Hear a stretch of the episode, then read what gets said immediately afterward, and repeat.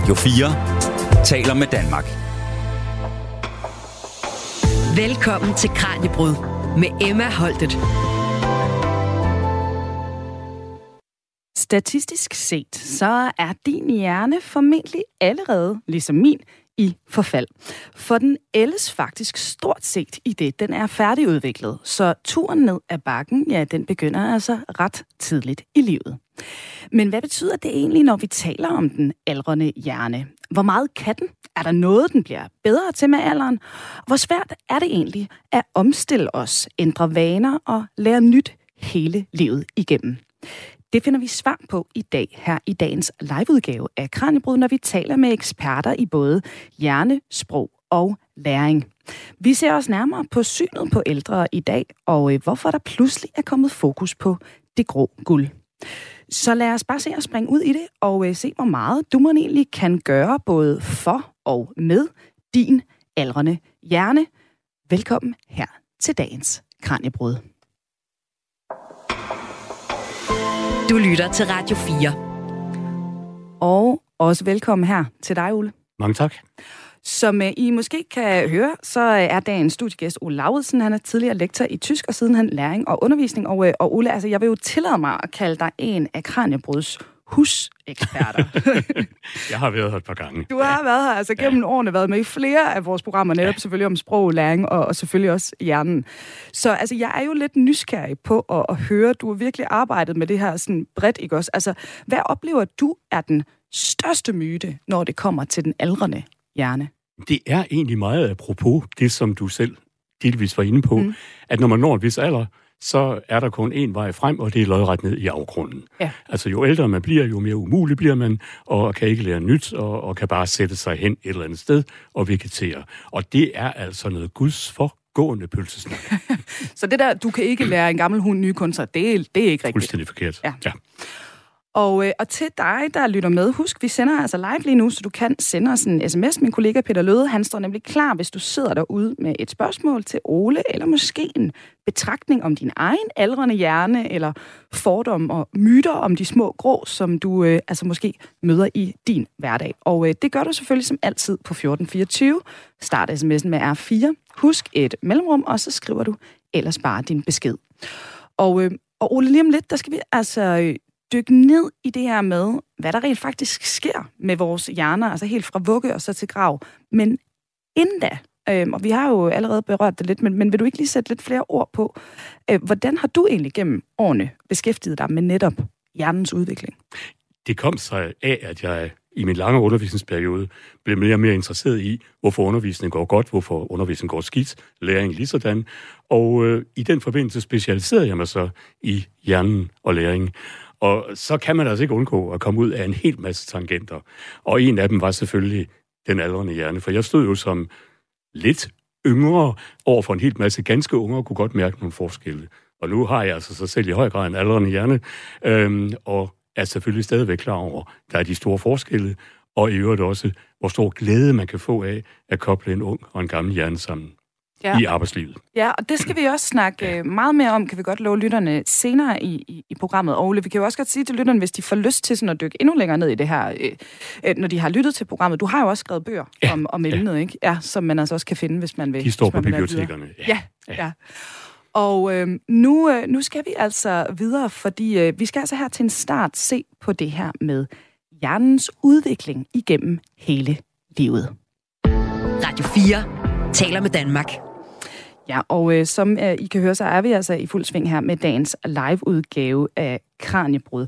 Og, øh, og Ole, altså, øh, der øh, er jo, altså, hvor mange årtier er det egentlig, du har formidlet og, og undervist og forsket i det her? Ja, det bliver, altså, lige med hjernen og læring, det er cirka 20 år.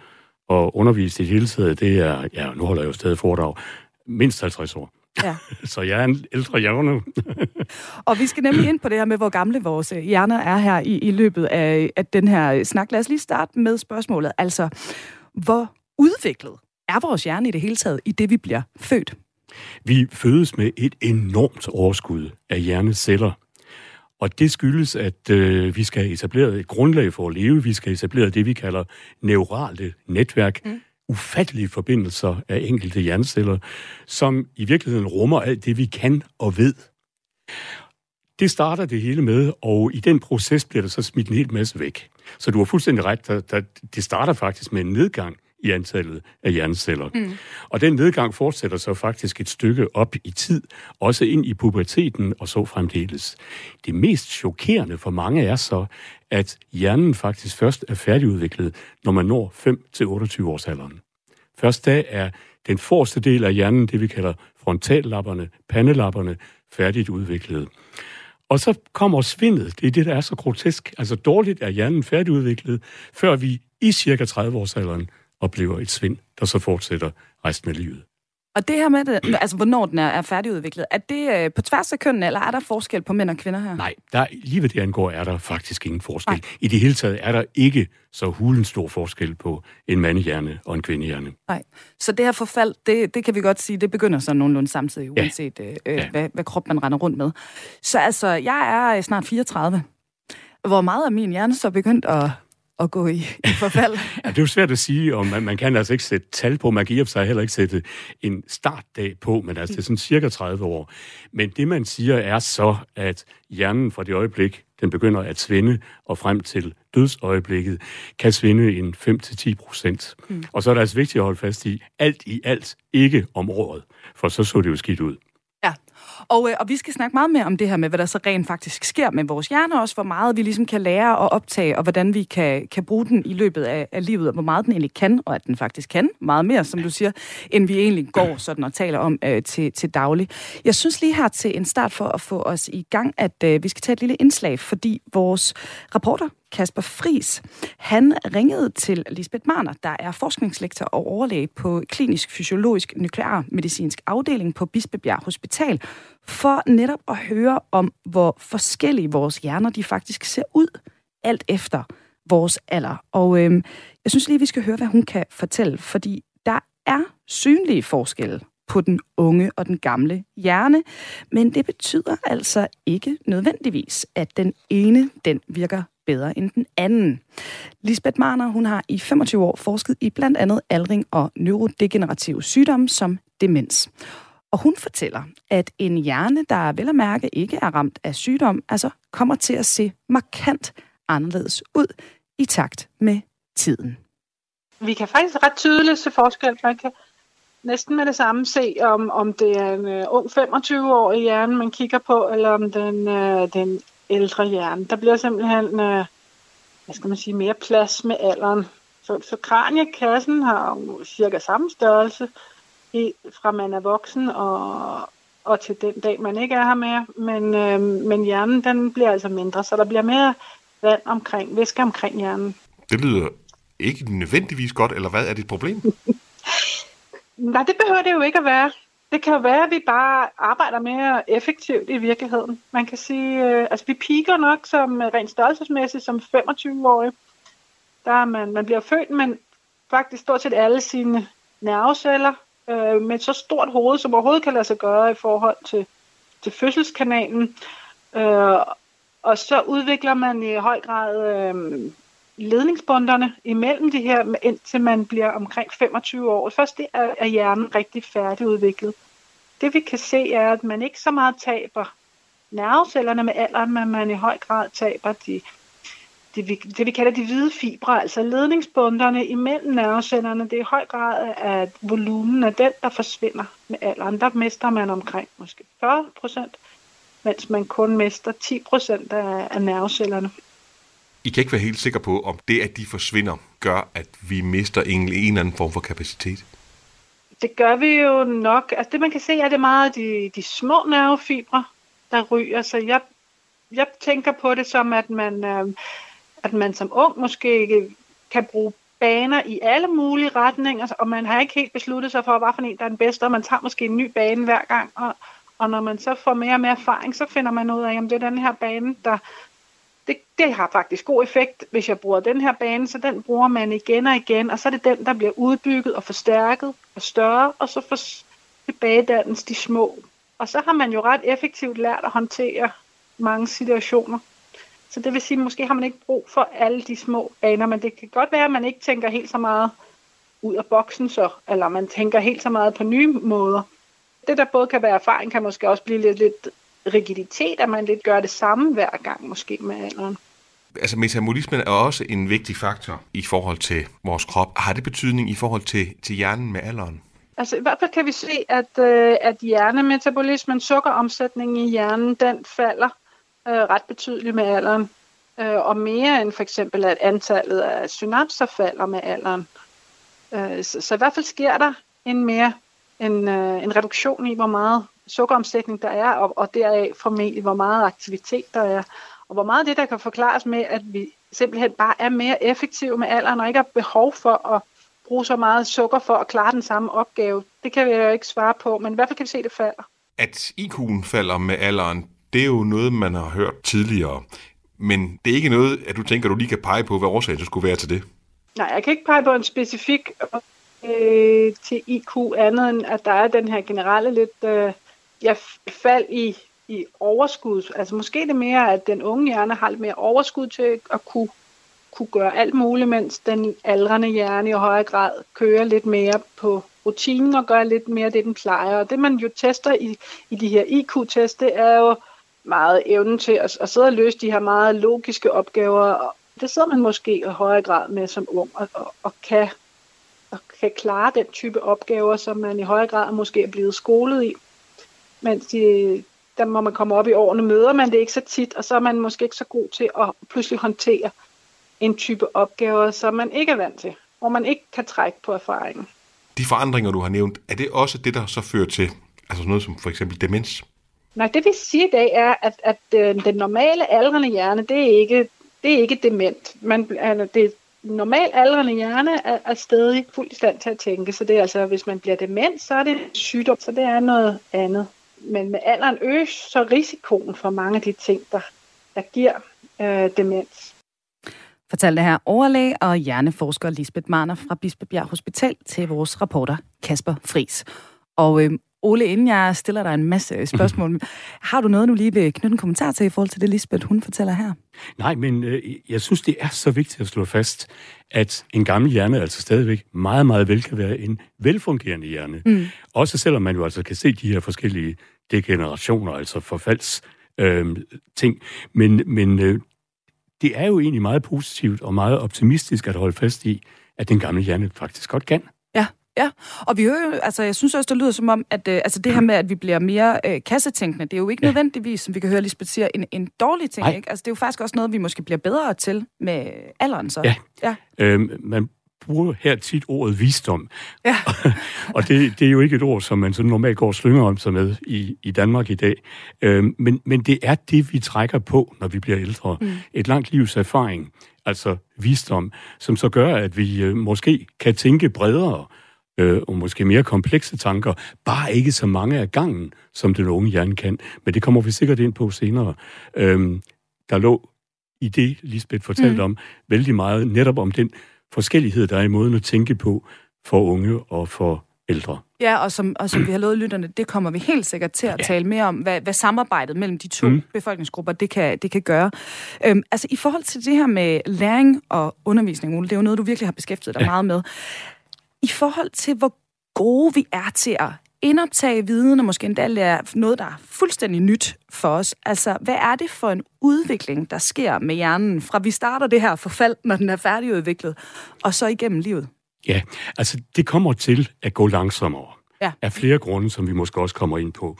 Men altså blandt andet kan man sige, at vi som ældre begynder at døje noget med opmærksomhed. Og opmærksomhed er jo altså en meget, meget vigtig faktor i det at få lært noget nyt. Og øh, vores tankearbejde, vores arbejdsudkommelse, det er bare i virkeligheden det faglige udtryk for det at tænke, bliver også sådan en, en smule hæmmet med tiden. Mm. Men hvis man tager højde for sådan nogle ting, så er der altså dybest set ikke nogen begrænsninger. Det går langsommere, og det kan være svært at lære systemer, når man bliver ældre. Det kræver længere tid. Og jeg ved fra min egen omgangskreds og vennekreds, at vældig mange er begyndt at lære et fremmedsprog, og holder sig lynhurtigt op igen for uha alt den her grammatik. Men det, de så glemmer, er, at de faktisk hurtigt får lært gloser, og faktisk får en læsefærdighed og en forståelsesfærdighed, hurtigere end unge, fordi de kan forbinde glosernes indhold med deres egen viden. Okay, så der er der simpelthen en fordel. Der er en altså, et, et, der, der har man fordelen af bagkataloget Ja, på en eller anden man, måde. ja, man, øh, man godt har. udtryk, ja. En, en, en ting, du siger, som jeg øh, bliver nødt til at spørge, altså det her med, at vi bliver dårligere til sådan at fokusere eller koncentrere os, det lyder jo helt bagvendt i forhold til, hvordan vi er vant til at tale om unge mennesker som nogen, der ikke kan sidde stille ja. og ikke kan holde Ja. fokus, og at de ældre, det er jo dem, der kan fordybe sig, dem, der har, ja. har ro på. Hvordan hænger det sammen? Det er nok i virkeligheden et spørgsmål om, hvordan man opfatter ordet opmærksomhed. Ja. Fordi man kan sige, at for, for mange unge, som altså ikke har øh, opmærksomhedslidelser, bevarer mig mm. vel, men ellers er det nok et spørgsmål om disciplin og modenhed og alt det der. Mens det så altså for ældre mennesker er sådan noget mere øh, fysiologisk, altså noget, der har med kroppen, med hjernen at gøre. Mm. Så jeg tror, det, jeg tror, det er et spørgsmål om fortolkning af opmærksomhed. Ja. Okay, så der, der er både fordele og ulemper, altså kan vi sige ved det her med, at vores hjerne den bliver, bliver ældre.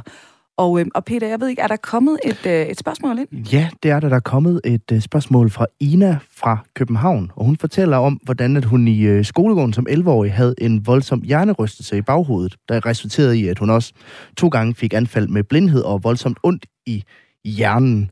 Øhm, hun er 60 år den dag i dag, og er aldrig blevet undersøgt, men hun vil egentlig høre, om hun allerede der skadede sin allerede gode hjerne. Nu er jeg jo ikke læge, og her skal man nok virkelig være fagperson for at kunne ytre sig. Men der er ikke to meninger om, at hjernerystelser altså virkelig kan føre til hjerneskader. Mm. Også hjerneskader, som kan strække sig over, over resten af livet. Men hvis øh, Ina i øvrigt er kommet sig, så har hendes hjerne altså været i stand til at regenerere. Og det er jo altså en skøn ting ved hjernen. Vi siger, at hjernen er plastisk. Det betyder, at den hele tiden forandrer sig. Mm. Og det er i virkeligheden de her, som jeg omtalte før, neurale netværk, der er i stand til at omdanne sig. Og sker der en skade et eller andet sted i hjernen, så er hjernen faktisk i stand til at lade funktionerne fra den del gå over til en anden del. Okay. Så, Så den kan altså i mange, mange henseender hjælpe sig selv. Så den er simpelthen den er omstillingsparat. Den er i den grad omstillingsparat. Ja. ja. Og er det også det, der sker i det, vi bliver ældre? Altså når der så er nogle funktioner, der måske ligesom øh, er, er kompromitteret af det her med, med, med den aldrende øh, hjerne, altså går vi så bare hen og finder nogle andre løsningsmodeller, nogle andre veje, eller Ja, er det ikke på- helt så simpelt? På en måde. Altså se, øh, hjernen er faktisk et modulsystem. Og rundt omkring sidder der så områder, der tager sig af ganske bestemte funktioner. Mm. Og de sidder jo i de to hjernehalvdele. Og de to hjernehalvdele skal så snakke sammen. Og det sker så i disse her fibre, som Lisbeth Marner talte om, Ja. hvide hjerneceller i tråde, som forbinder hjernecellerne med hinanden. Og nu kommer så det meget interessante, at når vi bliver ældre, så finder hjernen ud af, at den der trafik til højre, fra højre til venstre, den tager for lang tid. Og så begynder hjernen sådan set at ommøblere sig selv, sådan at nogle områder altså rykker tættere på hinanden, og så er afstanden ikke så stor. Så hjernen kompenserer altså her ved det, man kalder for bilateralisering. Mm. Altså det, at den, hjernen er bilateraliseret, men den ophæves altså. Og det er altså virkelig genialt. Det er virkelig noget, som gør noget, når man bliver ældre. Ja, ja og det er altså igen det her med, at vi altså ikke skal tage fejl af, hvor meget den aldrende hjerne, den så kan, fordi den, øh, den ændrer sig altså ja. hele vejen igennem livet. Det er ikke bare sådan, sig. at det går Ja. ned ad bakke. Nej. Ja. Og øhm, hermed, der hopper vi nu til næste kapitel i dagens udforskning af netop den aldrende hjerne. For selvom forfaldet altså øh, begynder tidligt, som vi øh, har været inde på, så der er så altså en masse, vi kan gøre for at holde hjernen i gang. Og øh, hvad det er, det finder vi altså ud af nu. Du lytter til Radio 4. Og til nye lyttere, vores guide her på vores rundtur gennem den øverste etage, det er Ole Lauridsen, forsker i sprog, hjerne, undervisning og læring. Og, øhm, og Ole, nu skal vi altså ind på det her med, hvad vi også, fordi selvfølgelig, som du siger, den aldrende hjerne, den kan rigtig mange ting. Der er faktisk også nogle ting, vi bliver bedre til med, med alderen. Men der er, der er vel også en idé i det her med at holde den i gang. Ikke? I allerhøjeste grad. Altså, det er kort og godt alfa og omega. Vi skal bruge vores hjerner, mm. og vi skal bruge dem så meget, vi overhovedet kan. Og vel at mærke, også til forskellige ting. Mange siger, at jeg holder mig i gang ved at løse sudokuer. Fint, så bliver man god til sudoku. Men altså, så er der andet, som måske så også trængte til en opsvejsning. Så altså, brug hjernen og brug den meget.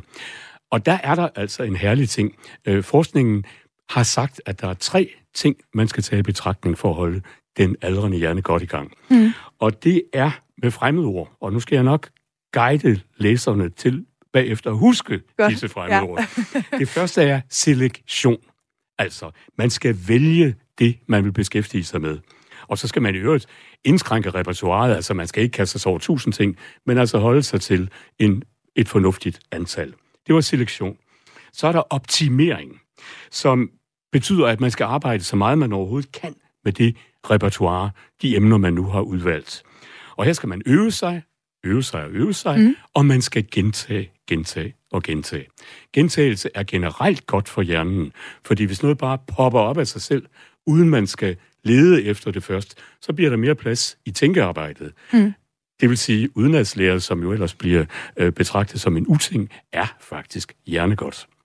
Nå, det var optimering. Det sidste er så kompensation. Man skal finde nogle smutveje, når det snærper til. Man skal bruge lidt ekstra tid, det var vi inde på. Mm. Og så kan man bruge det, som hedder med et halsbrækkende fremmedord, nemnoteknik. Det starter med MN, det er jo næsten ikke til at sige. Men det betyder bare husketeknik. Og det kender alle til.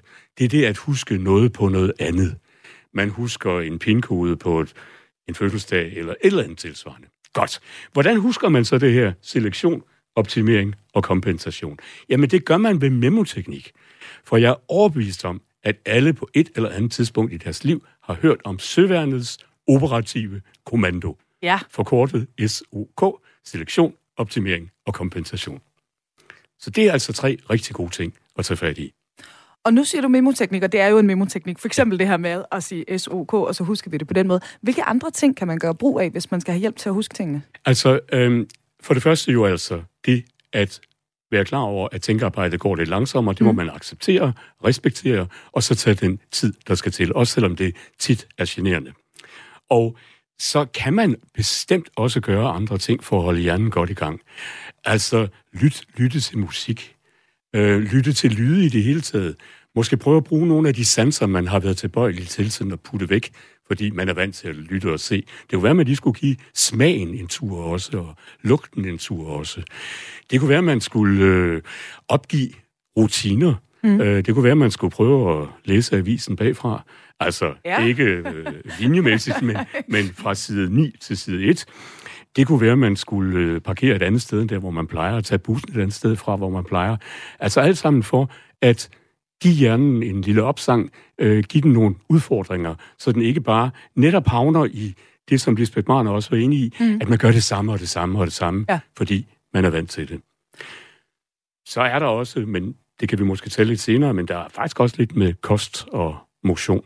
Jamen, uh, lad, os, lad os tage det nu. Altså, livsstil ja. og, og kost. Hvad, hvad kan vi gøre der for at holde hjernen ved lige? Altså, livsstilen spiller en stor rolle. Og, og nogle af de sygdomme, som jo rammer os oftest på grund af dårlig livsstil, mm. forhøjet blodtryk, dårlige, dårlige kolesteroltal og alle de der redsler, øhm, de er ofte med til at svække hjernens funktion. Så vi, vi bør leve et fornuftigt liv. Vi skal have noget motion. Kroppen skal have motion. Mm. Hjernen er jo altså en del af kroppen, så den skal altså også have motion. Og så er der den gode ting ved motion, at den skaber nye blodkar. Og efterhånden, som vi bliver ældre, så sker der altså også det, at vi får kalker. Det starter i øvrigt også ret mm. tidligt. Mm. Men øh, når vi så bevæger os, så skabes der nye blodkar, også i hjernen. Og bevægelse behøver altså ikke at være maratonløb eller Ironman eller noget som helst andet. En øh, god, fornuftig spacertur på en halv times tid hver dag anbefales af de højere magter. Så er der kosten, hvis vi lige skal tage den med også. Øh, og på samme måde som øh, øh, med kroppen, så skal hjernen have en god, altidig kost. Det betyder ikke, at man skal forsage. Men øh, der er ting, man med stor fordel kan spise. Øh, nødder, for eksempel. Mm. Øh, fisk. Specielt siges sardiner at være vældig, vældig gode. Okay, ja. Øh, det er jeg ked af, for jeg kan ikke fordrage sardiner.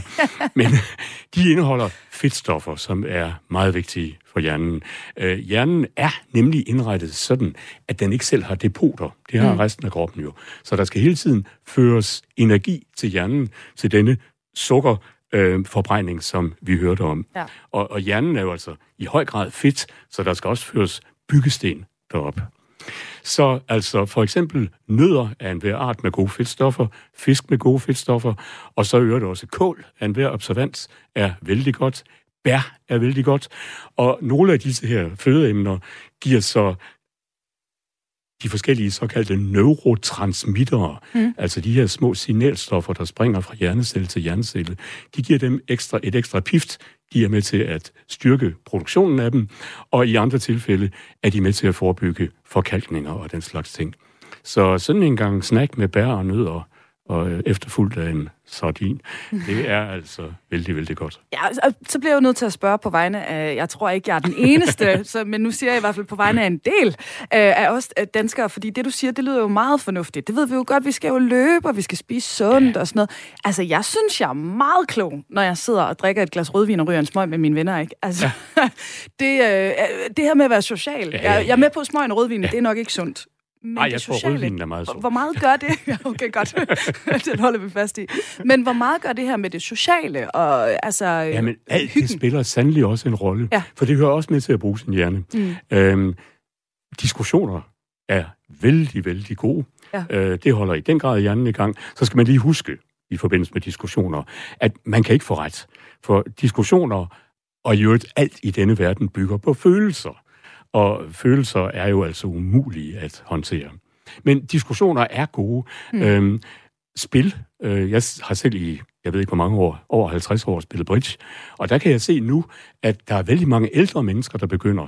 Og der er både noget med at bruge hovedet, øh, huske langtidshukommelsen, tænke arbejdshukommelsen, mm. og så alt det sociale. Ja. Så det spiller virkelig en stor rolle. Ja, så det er, det er ikke noget, vi skal stoppe med? Nej, Godt. Bestemt ikke. Godt. Peter, du havde også et øh, spørgsmål. Jamen, der er kommet en sms ind, og det er ikke så meget et spørgsmål, som det er en, en fortælling, der mm. taler meget godt ind i noget af det, som I taler om her. Det er fra, øh, fra Kirsten. Hun fortæller, at hendes mor altid har været skarp. Øh, hun er 82 i dag, men at hun også lige en jul endte i kørestol, som følger af et fald, og dermed så kan hun ikke rigtig komme udenfor mere i samme grad, som hun kunne før. Og derfra har Kirsten ligesom kunne observere, at det er gået langsomt ned ad bakke med med moren her, efter hun er ind i kørestol. Altså, er der en eller anden forbindelse med også det her med, at, og, og, at man ligesom ender med at sidde statisk, at så kan man ikke på samme måde vedligeholde sin hjerne? Ja, altså, igen, jeg er ikke læge. Øhm, så, men jeg ved positivt, at en kropslig skade altså faktisk kan medføre, at folks hjerner kommer til at fungere dårligere. Mm. Og det kunne der måske være en masse psykologiske forklaringer i også. Men hvis man er vant til at leve et aktivt liv, og komme ud i naturen, som også er mm. god for hjernen, mm. og nu pludselig sidder bundet til en stol, og måske kun kan sidde og glo på en fjernsynsskærm, så vil det altså være med til at øh, hæmme hjernens funktion, blandt andet fordi vi også er i høj grad er drevne af motivation. Mm. Og hvis man lige pludselig bare sidder hen og ikke rigtig kan finde nogen motivation, så er det altså svært at få nyt ind, få det bearbejdet, få det gemt og bruge det igen. Så jamen, det hænger jo sammen det hele ja. på en eller anden led. Ja, for ældre er jo også en af de befolkningsgrupper, der i allerhøjst grad føler sig ensomme. Og nu taler vi om vigtigheden af det, af det sociale før. Altså, det, ja. det, det, er, det er også der, man ja. måske kan se en effekt. Ensomhed er, uanset hvor gammel man er, en uting ud over alle grænser. Mm. Og øh, specielt mange er jo ensomme, og gudskelov er der mange, der gør noget for selv at komme over ensomheden, og ældresagen og andre udmærkede institutioner eller organisationer gør noget tilsvarende. Men den er altså virkelig en forhindring, ensomheden. Mm. Og Ole, i forhold til, hvad man selv kan gøre, altså udover selvfølgelig at øh, være øh, social og opsøge det, og opsøge motivationen også, som du siger, er der nogle aktiviteter, du vil sådan i særlig høj grad anbefale? Altså, jeg synes personligt, at det at komme ud og gå ud at bruge kroppen, er kolossalt godt. For for det første modtager man jo en masse syns- og sansindtryk i det hele taget, og for det andet øhm, kunne der være noget socialt i det, hvis man går, som jeg gør med min kone, eller andre. Og øhm, også det, at man måske får tid til at tænke over ting, som man normalt ellers ikke tænker over. Så jeg vil sige, det der med bevægelsen, det der med at komme ud i naturen, det er altså kolossalt godt. Og det særligt gode ved det er jo, det kræver ingenting. Altså jo, selvfølgelig, hvis man fysisk er ude af stand til at komme ud, er det skidt. Ja. Men ellers så er det altså bare at forlade hjemmet og tage en runde. Og du nævnte jo også tidligere det er med at lære et øh, nyt fremmedsprog. Ja. Hvilket jo, jeg tænker allerede i min alder, ikke? jeg er kun 34, det er sådan mm. noget, jeg tænker, det, øh, det løb er kørt. det er det så ikke. og det er det så ikke. Nej. Er det her også en god aktivitet, Ja, altså, lære nye at kaste over, ikke? Ja, altså Ja. ja. lære nye sprog, det er kolossalt godt for hjernen. Mm. Og det er det jo også, uanset hvilken alder man befinder sig i. Ja. Men altså, man ved for eksempel fra, fra hjerneskanninger, at øh, den såkaldte hvide hjernemasse, altså de hvide hjerneceller, som øh, Lisbeth Marner også var inde på, mm. faktisk øges ved at lære fremmedsprog.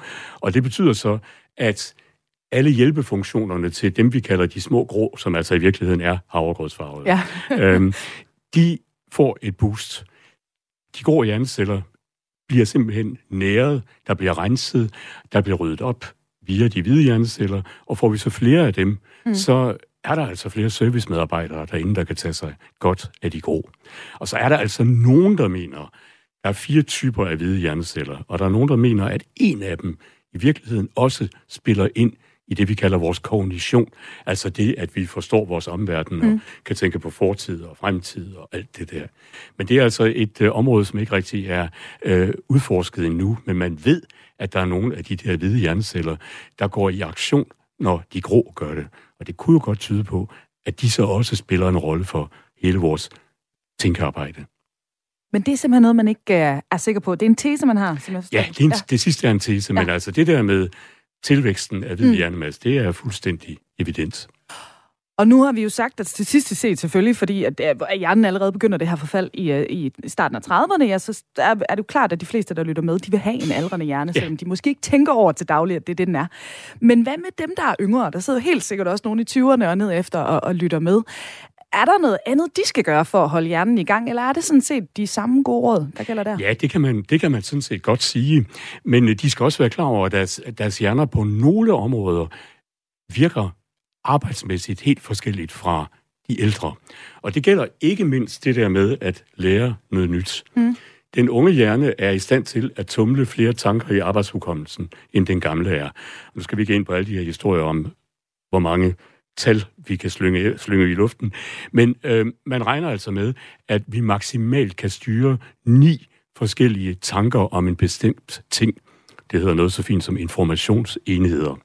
Og det kan en ung hjerne. Mm. Den gamle hjerne kan så måske kun styre seks. Men tankerne er altså, og det var jeg inde på tidligere, bredere hos den ældre end hos den yngre. Den yngre er til gengæld i stand til at se forbindelser. Og det lægger sig lige i kølvandet af det, som Lisbeth Marner sagde. Der er ikke fastlagt nogen ruter endnu. Mm. Så den suser rundt og finder alverdens ting frem, når den møder nyt. Så det vil sige, at den unge hjerne lærer altså ofte at se nogle forbindelser, som den gamle hjerne ikke ser, fordi noget er gået til, tænkearbejdet er ikke så skarpt, og alt det der. Og det synes jeg er den perfekte overgang til vores sidste stop i virkeligheden her i øh, dagens program, fordi vi skal nu dykke ned i fordommene og synet på ældre sådan historisk set, men også hvorfor vi så i dag pludselig taler om det grå guld, og hvordan netop samarbejdet med nogle yngre hjerner altså kan give noget helt særligt. Radio 4 taler med Danmark. Og til dig, der er kommet til undervejs, du lytter lige nu til Kranjebrud, hvor vi altså i dag ser nærmere på den aldrende hjerne, og øh, derfor har vi besøg her i studiet af Ole Lauridsen, der er tidligere lektor i tysk og sidenhen læring og undervisning, og som altså i høj grad beskæftiger sig med netop hjernen. Du kan stadig nå at sende os et spørgsmål på sms'en, og det gør du som altid på 1424. Ja, Ole, altså øh, det her med, at vi, øh, at vi bliver meget gamle jo i dag. Uha. Altså, det er, jo, det er jo klart en forandring, der er sket i Det forhold må nok til, til tidligere tider. Ja. Ikke? Vi lever lige pludselig meget længere, end vi har gjort. Ja. Så lad os lige starte med at få det på plads. Altså, er vores hjerner egentlig lavet til det? Overhovedet ikke. Altså, det der med den aldrende hjerne, det er øh, evolutionært, altså menneskeudviklingsmæssigt, absolut en nyhed. Mm. Øh, jeg nævnede tidligere, at øh, denne her degeneration, det her svind i hjernen, starter i 30-årsalderen. Og man mener altså, at vi nok ikke er, som man så smukt siger, designet til at leve længere end en 30, måske 40. Nogen har været store slag og sagt 50 år. Mm. Men i hvert fald slet ikke i den øh, ende af alderskalaen, som vi mange er så i i dag. Ja. Slet, slet ikke. Så det er noget nyt. Og det vil sige, at generationen har i de tidligere tider ikke spillet nogen som helst rolle, for når det startede, så var man væk. Ja. så hjernen var Jeg ville have været en gammel kone, Ja, du ikke? Altså, uh, ja. ja. Der var dog selvfølgelig folk i tidligere tid, der blev gamle. Ja. Men altså, går vi tilbage i 1800-tallet, så var gennem, den, den første del af 1800-tallet, så var gennemsnitslevealderen her i Danmark cirka 48 år, mm. når der var korrigeret for øh, spædbarnsdød. Så, så der er unægteligt sket noget. Og det er jo selvfølgelig hele samfundsudviklingen, øh, ikke mindst hygiejne og sygdomsbekæmpelse og alt det der, mm. som har gjort, at vi bliver ældre. Og så, øh, ja, ligesom så øh, knæet kan blive gigtramt, så, så kan der jo altså også ske noget i hjernen. Så i virkeligheden, den er ikke designet til det, så Ej. vi er faktisk ret heldige, at den er så omstillingsparat det... og, og god til at fungere ja, det er fremragende. op i alderen. Ja. ja. Og øh, man kan sige, at tidligere, der har synet på ældre og deres kompetencer jo sådan meget generelt set været præget af, af fordomme. Altså, hvornår og hvorfor har vi egentlig anset ældre medborgere for ubrugelige, tror du? Ja, det er jo selvfølgelig et enormt stort spørgsmål. Men der er jo ingen tvivl om, at man, vi skal ikke mange årtier tilbage, mm. faktisk var gammel, når man nåede de 60 år. Altså, nu er jeg selv tæt på de 70, og jeg kan huske mine bedsteforældre, som jo også på det tidspunkt har været yngre, end jeg er i dag. Og vi betragtede dem som elgamle, det gjorde de også selv. Ja. Min, både min morfar og min farfar begyndte at gå med stok, selvom de overhovedet ikke havde behov for at gå med stok. Så der var altså et eller andet indbygget i vores forestilling om, at man blev ældre og svagere. Og folk var måske heller ikke så mange år på arbejdsmarkedet, øh, som, i, som øh, de er det i dag. Men vi skal så også huske det, jeg nævnede før. Man var jo per definition gammel, fordi alderen, altså aldersprofilerne, så ganske anderledes ud. Man blev simpelthen ikke så gammel. Øhm, så det er et eller andet, vi har slæbt med os, og, og, og når vi nu ser på, hvad vi ved i dag, så er der altså ingen grund til, medmindre man af andre årsager er blevet nedslidt, at forkaste, skrotte den gamle hjerne. Ja, og jeg kan også huske, altså det er jo også, altså som du siger, det er jo både kognitivt, det er også en fysisk. Min farfar, han løb øh, maraton, da han ja. var 70. Ja. Dengang folk synes det var fuldstændig sindssygt. Ja. Nu er der jo folk på 70, der løber ja. ultraløb, der er meget ja. længere end maraton, ja. og det er ikke unormalt. Nej. Altså det er, det er virkelig vildt, ja. hvordan det her øh, det bare har rykket inden for ja. en, en generation nærmest. Det er, det er nok nærmest inden for en generation, ja. og jeg kan også godt forestille mig, at hele den teknologiske udvikling har spillet en rolle her, mm. fordi man har fået nogle arbejdsopgaver, som øh, også ældre fint kan håndtere ja. på måder, som øh, ikke kræver det samme rent fysisk, som det gjorde tidligere. Det er vel også en nødvendighed. Vi har jo en ældrebyrde, uh, der, ja, ja. der øh, bare bliver større og større, ja, ikke? Ja. Altså, så det har vel også bidraget til det, ikke? Det har det i høj grad. Øhm, og der er så jo det meget interessante, at ja, politikerne vil jo gerne have os til at arbejde længere, og, og det kommer alle jo til. Mm. Så god fornøjelse. Ja. Men øh, faktisk er det også sådan, at øh, mange ældre, som er gået for eksempel på efterløn, mm. egentlig godt ville arbejde noget mere. Øh, det viser en undersøgelse fra ældresagen. Den er så ganske vist 10 år gammel. Men, men de vil egentlig godt arbejde noget mere. Men så er der fordommene. Mm. Der er ufattelig mange 50-årige, som mener, at deres alder er en forhindring for at få et nyt job. Og der er altså også arbejdsgivere, som mener, at ah, vi må hellere holde os fra de lidt ældre, vi tager de unge, for de er med fra starten.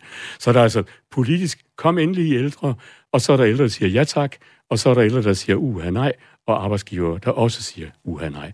Så vi står altså i en omstillingsperiode, mm. og der er det altså vigtigt, at budskabet trænger frem det kan lade sig gøre. Ja, og, og vi taler jo netop nu, som altså, du er inde på det her med det, det grå guld, ikke? Altså, ja. der er kommet den her interesse for de der 60-plusser på, ja. på arbejdsmarkedet, og som du siger, selvfølgelig så er der noget vej nu, men hvad er det, altså, de, de kan, og måske særligt i forbindelse med, med yngre, ja. på netop, altså på jobmarkedet. Ja, altså det, det kan jeg selv i den grad skrive under på.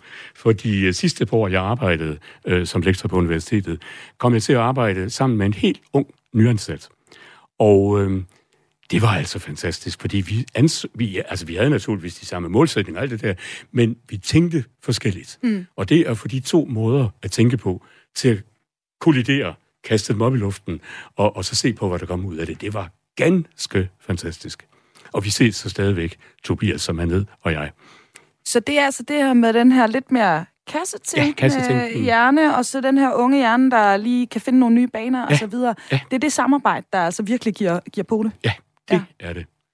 Og altså, kan man gøre noget for at fremme det, tror du? Jamen, det kan, det kan man jo. Nu var jeg så heldig, at jeg kunne vælge selv, og mine unge kolleger kunne vælge selv. Mm. Men arbejdsgiver bør altså prøve at få sat unge og ældre sammen.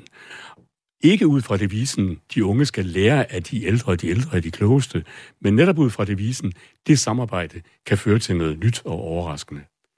Og det kræver nok også en mental omstilling. Ja. Og øh, jeg kan se på Peter, der er kommet et spørgsmål ind. Der er faktisk kommet et par stykker. Ja, lad os, Øh, øh, lad os tage dem. Ja, jeg tænker, lad os tage det første her. Det, øh, det er Daniel, der spørger om hjernens nedbrydningsstart, den ændrer sig over tid. Altså, så man måske om 40 år først vil se det her forfald, det begynder som, som 40-årig. Altså, om, kan vi se, at evolutionen spiller ind på det? Det har jeg ikke set oplysninger om, og jeg tror altså også, der skal gå lang, lang tid. Det kan godt være, at det sker. Mm. Øh, sundhedsprofilerne bliver jo bedre og bedre, så det er ikke utænkeligt. Men ja, det er ikke noget, som jeg mener, at nogen kan sige noget om lige her og nu. Nej, okay. Så er der kommet et spørgsmål fra, øh, fra Reiner, der øh, fortæller, at hans datter har fået sklerose med de fysiske udfordringer, udfordringer der, der følger med. Og det er for eksempel sådan noget som mental træthed og fysisk funktionsnedsættelse. Altså, han spørger simpelthen ind til, hvordan man kan modvirke den her mentale træthed bedst, og hvordan man kan hjælpe hjernen på vej med den her fysik, som man trods alt har. Ja, altså igen, bruge den og bruge den og bruge den. Øhm, og altså finde nogle aktiviteter, som mundrer en op, fordi motivationen spiller så stor en rolle, og så jo måske også sørge for netop at, øh, at få den der alsidige kost. Motion er det jo næsten umuligt med, hvis man er slemt ramt af sklerose, men i det omfang, det kan lade sig gøre, skulle man nok prøve det. Men igen, altså rådet er hele tiden, brug hjernen så meget som muligt, og tag så de pauser, der skal til. Pauser er så vanvittigt gode for hjernen. Mm. Det er så et helt andet emne. Ja. Men altså, pauser er vanvittigt gode for hjernen. Så dem tager man i ny og næ, laver noget andet og går så i gang igen. Og altså pauser, kan det også være at sidde og se øh, Netflix eller scrolle på sin telefon? Altså det, Ja, ja, ja, ja. det kunne det. Bestemt. Det kan også bare være at sidde og glo ud i luften. Ja. Ja. Altså, øh, der er masser af muligheder. Lige for at give hjernen en, en pause, sådan at opmærksomheden kan komme i vejret igen. Og, øh, og Ole, vi nærmer os så småt slutningen her på dagens program, men øh, nu har vi jo snakket om det her med sådan den helt store myte om den aldrende hjerne. Det er det her med, at den bare ikke kan noget, vi har fundet ud af i dag. Den kan bare en hel masse, og der er også nogle andre ting end den unge hjerne, og de kan især jo, som du sagde, noget sammen, ikke? Hvad møder du ellers af misforståelser, når du er ude at formidle om, om det her med læring og, og hjernen? Altså, hvad er Ja. de typiske benspænd, du ligesom Ja. lige skal, skal over? Der findes noget, vi kalder neuromyter, og den med den aldrende hjerne er altså Ja. en af dem. Men det er altså fejlagtige opfattelser af, hvordan hjernen arbejder. Og nogen sidder og griner sig skæve af dem, men jeg vil sige, det er jo i virkeligheden et forsøg på at forstå noget, som er meget, meget svært. Så jeg vil ikke grine af de mennesker, der tror det, men jeg vil gerne oplyse dem. Og, der- og der er altså i virkeligheden, der er to områder i særklasse. Der er den med den kvindelige hjerne og den mandlige hjerne. Og det er fuldstændig rigtigt, at mænds hjerner er større end kvinders. Ja. Men det hænger altså ikke sammen med, at mænds hjerner er bedre end kvinders. Mænds hjerner er ikke bedre, klogere end kvinders. Det hænger sammen med, at mænd som oftest er højere, drøjere, federe end kvinder, og så følger hjernen proportionalt med. Og sådan fra det anekdotiske overdrev kan jeg sige, at Einsteins hjerne vejede 1200 1265 gram, og det er sådan cirka 35 gram mindre end den gennemsnitlige kvindehjerne. Og han klarer sig jo helt godt. Ja. Så det, det hele drejer sig om, er, hvor godt hjernecellerne er forbundet, og de har altså været godt forbundet hos øh, Einstein. Det er den ene. Den skal næsten altid aflives. Ja. Den anden er den, at vi har mennesker, som er højrehjernede, og mennesker, som er venstrehjernede. Den trives i høj grad, og den har desværre også givet sig udslag i undervisningspraksis. Man siger, eller sagde forhåbentlig, at de højrehjernede sociale, elskede farver og rytmer, øh, havde en positiv instinkt til livet, og så kan man jo nok høre, hvad der blev til overs til de venstrehjernede, øh, kedsommelige flueknæppende analytikere uden sans for sociale omgivelser. Og det har intet på sig. Som jeg sagde, hjernen er et modulsystem, modulerne arbejder sammen, og har man den ene eller den anden præference, så vil det ofte skyldes undervisning, og selvfølgelig også noget genetisk i et vist omfang, men øh, den der med den højre og venstre hjerne, den må vi altså aflive. Jeg bliver nødt til at spørge sig i forlængelse af det, fordi det er i hvert fald noget, jeg tit kommer til at sige sådan på daglig basis, og jeg er også så sproglig. Altså lidt som en undskyldning for, ja. At jeg ikke gider at prøve at lave et eller andet øh, hovedregningsstykke eller noget andet. At der er noget i det så? For det taler man jo også meget om, den matematiske hjerne og den sproglige Det hjerne. kan, der, det kan der godt være. Okay. Det kan der godt. Altså, vi har nogle centre i hjernen, som beskæftiger sig med matematik, og nogle, der beskæftiger sig med sprog. Hmm. Og øh, de områder kan så være større eller mindre hos forskellige mennesker. Det vil ofte være genetisk bestemt. Men også det at bruge sprog vældig meget, vil også medføre, at de områder i hjernen, der har med sprog at gøre, bliver større. Og jeg har det ligesom dig. Altså, jeg mener, at min matematiske hjerne blev kvalt i fødslen, ja. øh, men, men den sproglige hjerne har det sådan set helt godt. Ja, og jeg har engang fået at vide, du skal ikke tale sådan ned om dig selv, og jeg er sådan, det synes jeg slet ikke er nedsættende om min Nej. hjerne. Jeg elsker, at den er sproglig, ja. men øh, der er der jo så øh, nogle andre fordomme på Ja, men det er jo så det der med, at sprog ikke er så vigtigt som matematik. Ja. Og det er jo også noget pølsesnak. Ja, og, og her til, til sidst, Ole, altså i forhold til nu, vi har virkelig været inde på mange aspekter af det her, men undervejs har vi jo også ligesom fået en fornemmelse af, at der er altså også en del ting, vi bare ikke ja. ved om det her endnu. Altså, øh, hvor meget mangler forskerne at forklare, når det kommer til hjernen? Ubegribeligt meget. Der er en amerikansk hjerneforsker, der så komisk har sagt, at vi ved 1% om det, vi bør vide om hjernen. Og kunne sige 1% kræver jo, at man kender de 100%, og det gør vi altså ikke. Så det er selvfølgelig for sjov, han har udtrykt det på den måde. Vi ved meget, meget, meget mere, end vi har gjort tidligere, og det skyldes de ufarlige hjerneskanninger, magnethjernescanningerne. Men der er stadigvæk et langt stykke vej at gå. Er der noget specifikt, du tænker, det kunne altså virkelig være sjovt, hvis vi fandt ud af det her snart? Ja, altså, jeg har selv et ønskeområde, men det bliver jo ikke mig, der kommer, kommer til at løse det. Nej, øhm, altså vi siger, at vores viden og færdigheder ligger begravet i de her neurale netværk, og det er fint nok, det kan mm. man også vise ved scanninger. Men, hvordan ser så vores viden ud helt dernede på atomniveau? Hvordan kan min viden om tysk ligge i nogle kemiske stoffer, der springer fra hjernecelle til hjernecelle, og forbindelser af en hel masse enkelte celler? Det kunne jeg godt tænke mig at vide. Er det realistisk? Det er noget, man finder ja, et svar på ikke, snart? Det tror jeg ikke umiddelbart. Altså nej, det kan jeg ikke forestille mig. Så der, altså, der er virkelig meget grundforskning, oh, simpelthen, der mangler det, at blive lavet på, på det her helt område? Sikkert. Helt sikkert. Hvad med den aldrende hjerne? Nu er det jo den, vi har fokus på i dag. Er den så også lidt nedprioriteret i forskningen, eller øh, Nej, det tror jeg faktisk ikke, den er. Nej. For netop Lisbeth Marner er jo en af dem, som mm. beskæftiger sig vældig med det.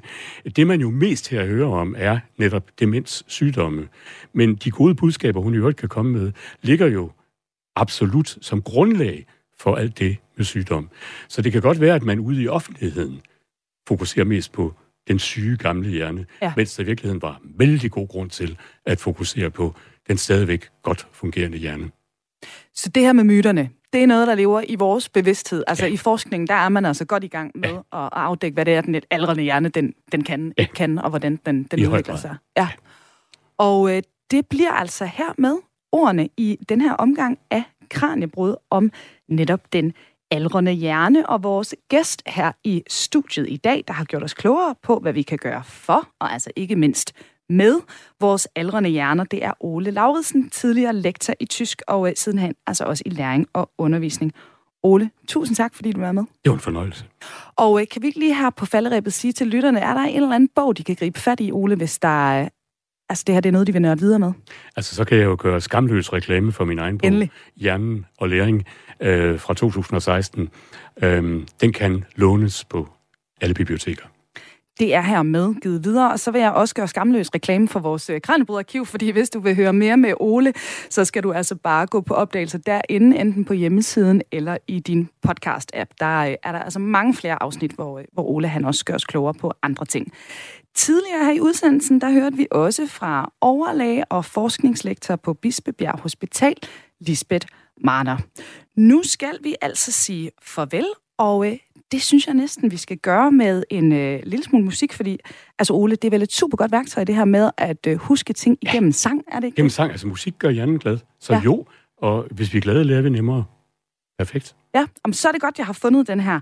Øh, det er altså nemlig en sang, der lige kan, kan lære os lidt om netop det her med øh, hjernen og dens øh, forskellige små dele, hvis man øh, har lyst til at, øh, at få det på klasse. Mit navn, det er Emma Elisabeth Holtet med i studiet i dag. Der havde jeg også min kollega Peter Løde, og øh, programmet her, det er produceret af Videnslyd for Radio 4. Tak, fordi du lytter med og øh, hæng på, for lige om lidt, der er der nyheder. Men øh, her fra Kids Learning Tubes album 50 States of America, der får du altså lige en bid af nummeret, og øh, det hedder slet og ret Brain Song. I'm your brain, part of the central nervous system. Your cranium's my home, and if you want to learn, then listen. I'm the boss of all the functions in your body. I weigh about three pounds, but I'm the leader of the party. The cerebrum controls your thinking and your muscles, it also stores all memories. Without it, you would struggle. The left cerebrum controls the right side of the body, and the right cerebrum tiny. The cerebellum controls your posture and your balance. The coordination of your movement is also its talent. It's located in the lower back of your brain. It is rounded in structure, as I've gone on to explain. From your brain, part of the central nervous system. Your cranium's my home, and if you want to learn, then listen. I'm the boss of all the functions in your body. I weigh about three pounds, but